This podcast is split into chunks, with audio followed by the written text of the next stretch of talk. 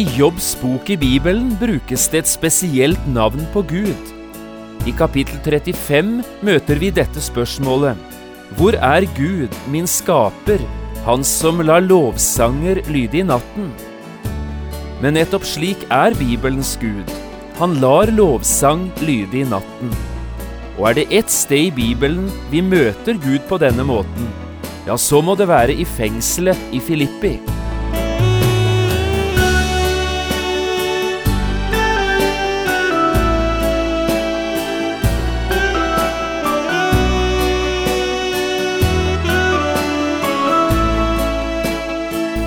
Hjertelig velkommen til et nytt program i serien Vindu mot livet. Programmet er produsert av Kristen Riksradio og blir ledet av Jon Hardang. Denne programserien er produsert med støtte fra Blom fiskeoppdrett.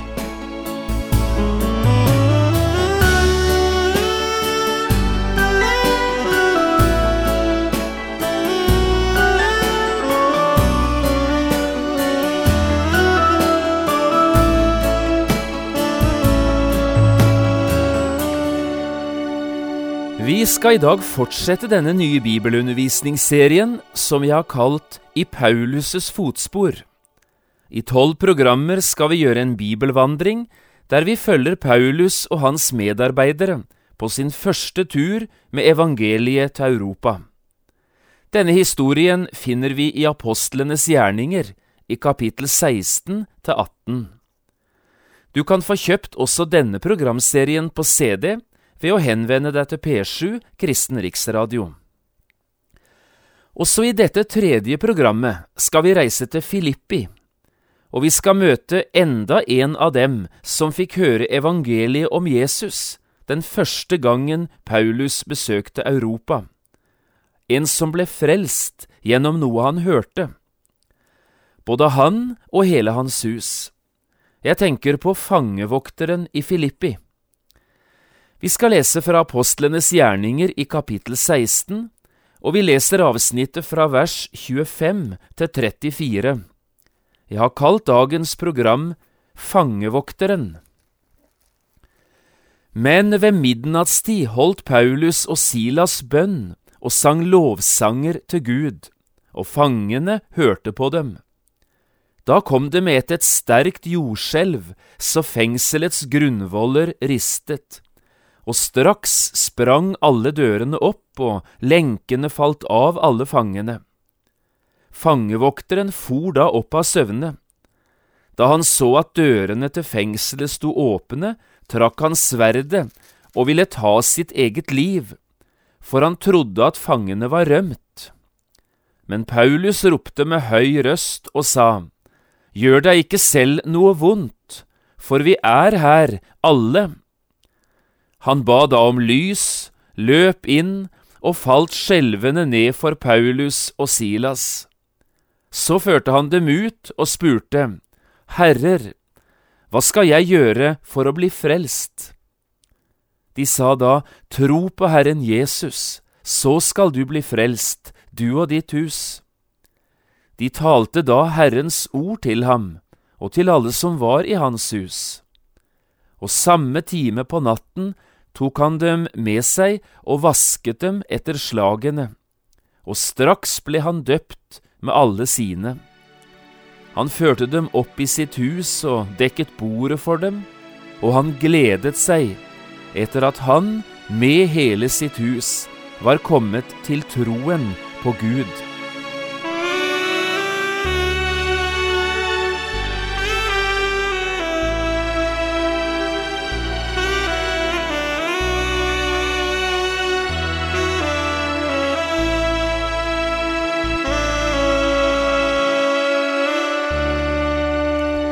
Søndag den 30. september i 2007 fikk jeg besøke Filippi, for første og eneste gang i mitt liv. Det ble en utrolig fin opplevelse. Å få besøke denne første byen i Europa hvor evangeliet ble forkynt av Paulus, å være i den byen hvor den menigheten holdt til som en gang mottok det brevet fra Roma som siden blir kalt Filipperbrevet, og å få se stedet der kvinnen Lydia for første gang fikk høre evangeliet om Jesus. Eller å få besøke fengselet der Paulus og Silas ved midnattstid satt og sang lovsanger til Gud. Det var en ganske spesiell opplevelse. I dag er Filippi bare en arkeologisk plass, et stort område fylt av ruiner både fra gresk og romersk storhetstid. Da vi i 2007 var kommet til Filippi, gikk vi først av bussen og fant veien opp til det romerske teatret. Siden gikk vi veien gjennom den øvre delen av byen, og kom etter hvert bort til fengselet, der Paulus og Silas hadde sittet som fanger. Siden krysset vi den nye hovedveien som går tvers igjennom dette gamle Filippi, og kom da ned på et stort og flatt område, der torget, forretningene, offentlige bygninger og en del bolighus hadde vært å finne på Paulus' tid. Et stykke borte så vi også ruinene av en stor basilika, altså en gammel kristen kirke, reist noen få hundre år etter at Paulus første gang besøkte Filippi. På Paulus' tid så det selvsagt helt annerledes ut i Filippi enn det gjør i dag. Filippi var en av de viktigste romerske byene i provinsen Makedonia, den gangen Paulus kom reisende dit, ca. år 50 etter Kristus. Filippi har fått navn etter kong Philip, som var Alexander den stores far. Etter slaget ved Aktivum fikk byen store privilegier og ble en romersk koloni. Det betydde at det var romersk lov som gjaldt i denne byen, og mange av dem som bodde der, var dessuten romerske borgere, med alle de rettighetene som det innebar. I tillegg til dette var Filippi en by der mange romerske veteraner hadde slått seg ned, altså soldater som var ferdige med aktiv militær tjeneste. Det lå også en stor romersk garnison i Filippi. En aktiv romersk hæravdeling var stasjonert i byen. Byen Filippi ligger et stykke inne i landet, ca 15 kilometer fra kysten og det er Neapolis, den nye byen, der Paulus gikk i land på sin første tur til Europa, som da er Filippis havneby. Det var dermed ikke en avkrok Paulus kom til, den gangen han første gang kom til Filippi. Dette var en av de sentrale byene i området Makedonia. Og nettopp dette er jo en av de viktigste misjonsstrategiene Paulus følger på sine misjonsreiser. Han oppsøker alltid sentrale steder, for eksempel de store byene. Og Paulus tenker at om evangeliet bare kan få fotfeste her, ja, så vil det snart spre seg til distriktene omkring. Derfor blir en rundtur i Hellas i dag, i Pauluses fotspor, nesten som en reise fra den ene store byen til den andre. Filippi, Tessaloniki, Berøa, Aten og Korint. Det er også noen som hevder at den greske legen Lukas kom nettopp fra Filippi, men dette har vi egentlig ikke sikre holdepunkter for. I det forrige programmet snakket vi om det som skjedde da forretningskvinnen Lydia kom til tro på Jesus. Det var bare en liten gruppe av jøder som var bosatt i Filippi. Det var derfor disse jødiske kvinnene samlet seg utenfor byen, på bønnestedet nede ved elven. Det fantes nemlig ingen synagoge i Filippi, til det var den jødiske befolkningen altfor liten. Så Paulus' besøk i Filippi startet dermed nokså fredfullt, med forkynnelse og samtale på jødenes bønnested like utenfor byporten, nede ved den vesle elven som også i dag renner forbi Filippi. Men det fredfulle skulle snart forandre seg. Freden og roen skulle snart bli erstattet av uro, bråk og oppstand. Og grunnen til dette, ja, det leser vi i versene like foran dagens bibeltekst. Nå skal du få høre hva Lukas skriver om dette. Vi leser fra vers 16.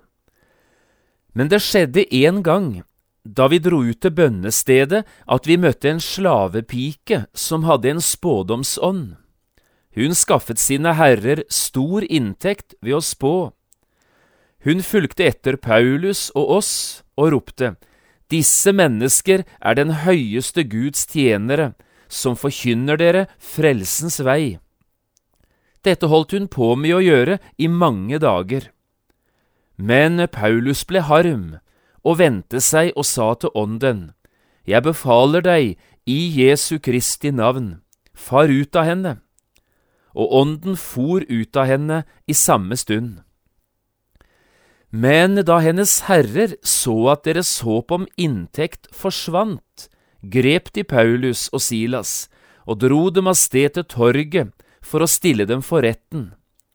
De førte dem fram for styresmennene og sa, Disse menn skaper stor uro i vår by. De er jøder, og de forkynner skikker som vi ikke har lov til å ta imot eller leve etter, vi som er romere.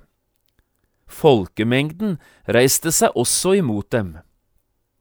Styresmennene rev da klærne av dem og lot dem hudstryke. Da de hadde gitt dem mange slag, kastet de dem i fengsel og befalte fangevokteren å passe godt på dem. Da han fikk en slik ordre, satte han dem i det innerste fangerom og satte deres føtter fast i stokken. Slik forteller Lukas det. I Jobbs bok i Bibelen er det brukt et ganske spesielt navn på Gud. I kapittel 35 vers 10 møter vi nemlig dette spørsmålet. Hvor er Gud, min skaper, han som lar lovsanger lyde i natten? Dette er et nokså spesielt navn på Gud, han som lar lovsanger lyde i natten. Men dette er Guds eget varemerke. Gud er den som alltid gjør det motsatte av det vi skulle tenke. Han skaper liv av døde, han gjør mennesker rike ved å først ta fra dem alt. Han fører ut i lyset ved å føre mennesker inn i mørket. Han skaper lovsang der vi skulle ha ventet klagesang. Alt dette får vi et eksempel på nettopp her i Filippi. To apostler synger lovsanger der en skulle ha ventet vedrop eller klagesang. I stedet for å la seg blinde av frykt for døden, priser de Gud for livet. Og fangevokteren, han fant veien til livet da han ikke så noen annen utvei enn døden. Midt på natten førte Herren han ut i den nye dagen. Da alt så som mørkest ut, fikk fangevokteren se lyset, Guds lys. Nå er det ikke mye vi vet om denne fangevokteren, eller denne fengselsbetjenten, som vi kanskje ville ha kalt han i dag. Det andre enkeltmennesket i Europa som både fikk høre om frelsens vei, og som fikk nåde til å gå den. Vi vet ikke engang hva han hette, denne mannen. Men en dag skal du og jeg møte denne fangevokteren igjen, i himmelen hjemme hos Gud. Og da skal vi få se det klarere enn noen gang, at denne natten i Filippi, da ble det viktigste kapitlet i hele hans livshistorie skrevet. Denne natten fikk fangevokteren nemlig sitt personlige møte med Jesus. Disse mennesker er den høyeste Guds tjenere, som forkynner dere frelsens vei. Slik hadde den unge, besatte slavepiken ropt det ut, om Paulus og Silas. Og på mange måter var det jo helt rett, det denne slavepiken sa. For var det ikke nettopp dette som var Paulus og Silas sin hovedoppgave, nemlig å åpne frelsens dør for stadig nye mennesker ved å forkynne frelsens vei for dem. Og det er jo akkurat dette som skjer inne i fengselet i Filippi, midt på mørkeste natten. Fangevokteren ba om lys, står det, og så løp han inn og falt skjelvende ned for Paulus og Silas. Siden førte han dem ut og spurte, Herrer, hva skal jeg gjøre for å bli frelst? Du kan se for deg denne situasjonen, kan du ikke? La oss lese det en gang til, det som skjedde. Men ved midnattstid holdt Paulus og Silas bønn og sang lovsanger til Gud, og fangene hørte på dem. Da kom det med et, sterkt jordskjelv, så fengselets grunnvoller ristet, og straks sprang alle dørene opp, og lenkene falt av alle fangene. Fangevokteren for da opp av søvne, da han så at dørene til fengselet sto åpen. Han trakk sverdet og ville ta sitt liv, for han trodde at fangene var rømt. Men Paulus ropte med høy røst og sa, Gjør deg ikke selv noe vondt, for vi er her, alle. Og så kommer altså det som vi så snakket om, møtet mellom Paulus og fangevokteren, og møtet mellom fangevokteren og Jesus. Ganske ofte hører vi noen av versene fra denne historien sitert ved forskjellige anledninger i kristne sammenhenger. Jeg tenker da på vers 30 og 31, der det står slik om fangevokteren. Så førte han dem ut og spurte, Herrer, hva skal jeg gjøre for å bli frelst? Og så svarer altså Paulus og Silas, Tro på Herren Jesus, så skal du bli frelst, du og ditt hus. Men ofte blir det ikke sitert noe mer enn akkurat det. Og det er trist, for historien slutter jo ikke med dette. Det står nemlig én ting til, en meget viktig ting. De talte da Herrens ord til ham og til alle som var i hans hus. Slik forteller Lukas det. Og nettopp dette siste er det uhyre viktig å ta med. Det er aldri nok å si til mennesker som spør hvordan de kan bli frelst, tro på Herren Jesus, så skal du bli frelst. For de fleste mennesker, de vet altfor lite om Jesus, både hvem han er, og ikke minst, de vet så lite om hva Jesus har gjort. Derfor er det ikke nok at de får høre at de skal tro. Det gjør lett troen til en prestasjon, noe som du og jeg selv må få til. Troen blir en ny gjerning som skal erstatte alle andre gjerninger. Men slik tenker ikke Bibelen. Troen er ingen ny gjerning. Troen er det som kommer i stedet for gjerningene. Derfor er det viktig at jeg får høre om Han som jeg skal tro på. Tro er nemlig en tillitssak, og skal du og jeg kunne fatte tillit til noen, ja, så må vi lære disse personene å kjenne. Jeg må få høre hvem de er, og hva de står for. Det holder altså ikke å si til folk, du skal ikke gjøre noe for å bli frelst, du skal bare tro. Det blir bare en ny variant av gjerningenes vei, du skal bare tro. Du hører det selv, ikke sant? Du skal bare. Dette er lovens ord, kravets ord, og dette er jo bare et nytt og utrolig vanskelig krav.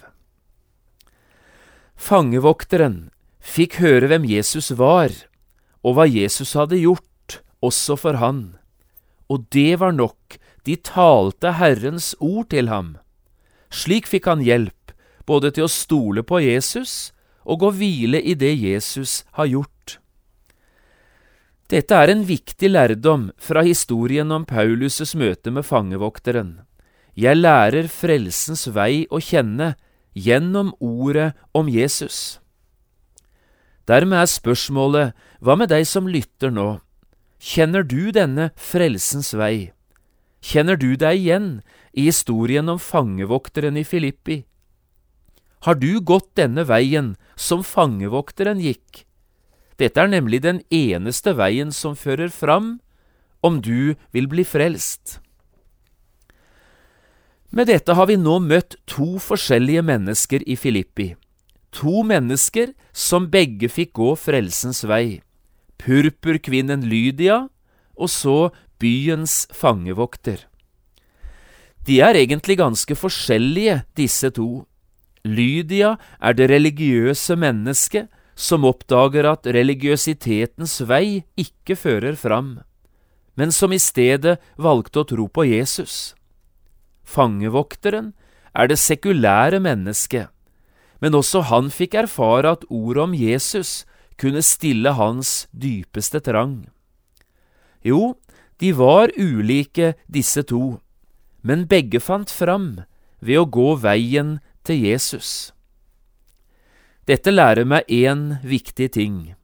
Det avgjørende er ikke hva slags bakgrunn jeg har, om jeg er et religiøst og interessert menneske eller ikke. Det viktigste er ikke hva slags livsstil jeg har. Det avgjørende er at jeg får høre ordet om Jesus, og at jeg så tar på alvor det jeg hører, og innretter meg etter det. Det er på denne måten et menneske blir frelst, også i dag. Men så er det også tydelige likhetstrekk mellom disse to, Lydia og fangevokteren. Møtet med Jesus satte dype spor i deres hverdagsliv, begge to. Lydia åpnet både sitt hjerte, sitt hjem og sin lommebok for Jesus. Hos henne vokser gjestfrihet, åpenhet og vennlighet fram, frelsens fine frukter. Men om fangevokteren står det noe av det samme.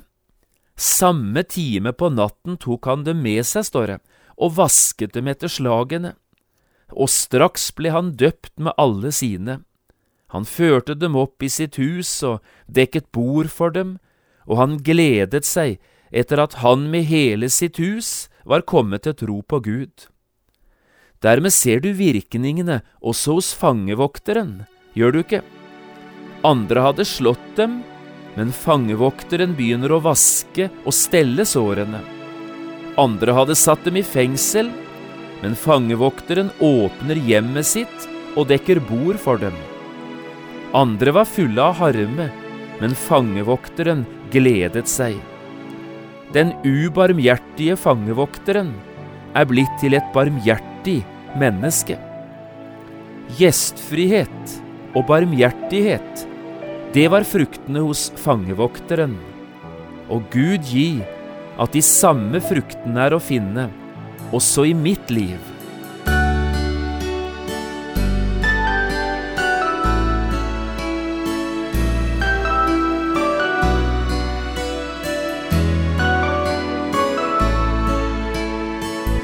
Du har lyttet til et program i serien Vindu mot livet med John Hardang. Programmene i denne serien kan også kjøpes på CD fra Kristen Riksradio, eller høres på internett på p7.no. Har du spørsmål eller kommentarer til det du nå har hørt, kan du ta kontakt med oss. Adressen er Kristen Riksradio, Skiene 2, 5353 Straume. Eller send en e-post vml alfakrøll p7.no. Takk for i dag, og på gjenhør.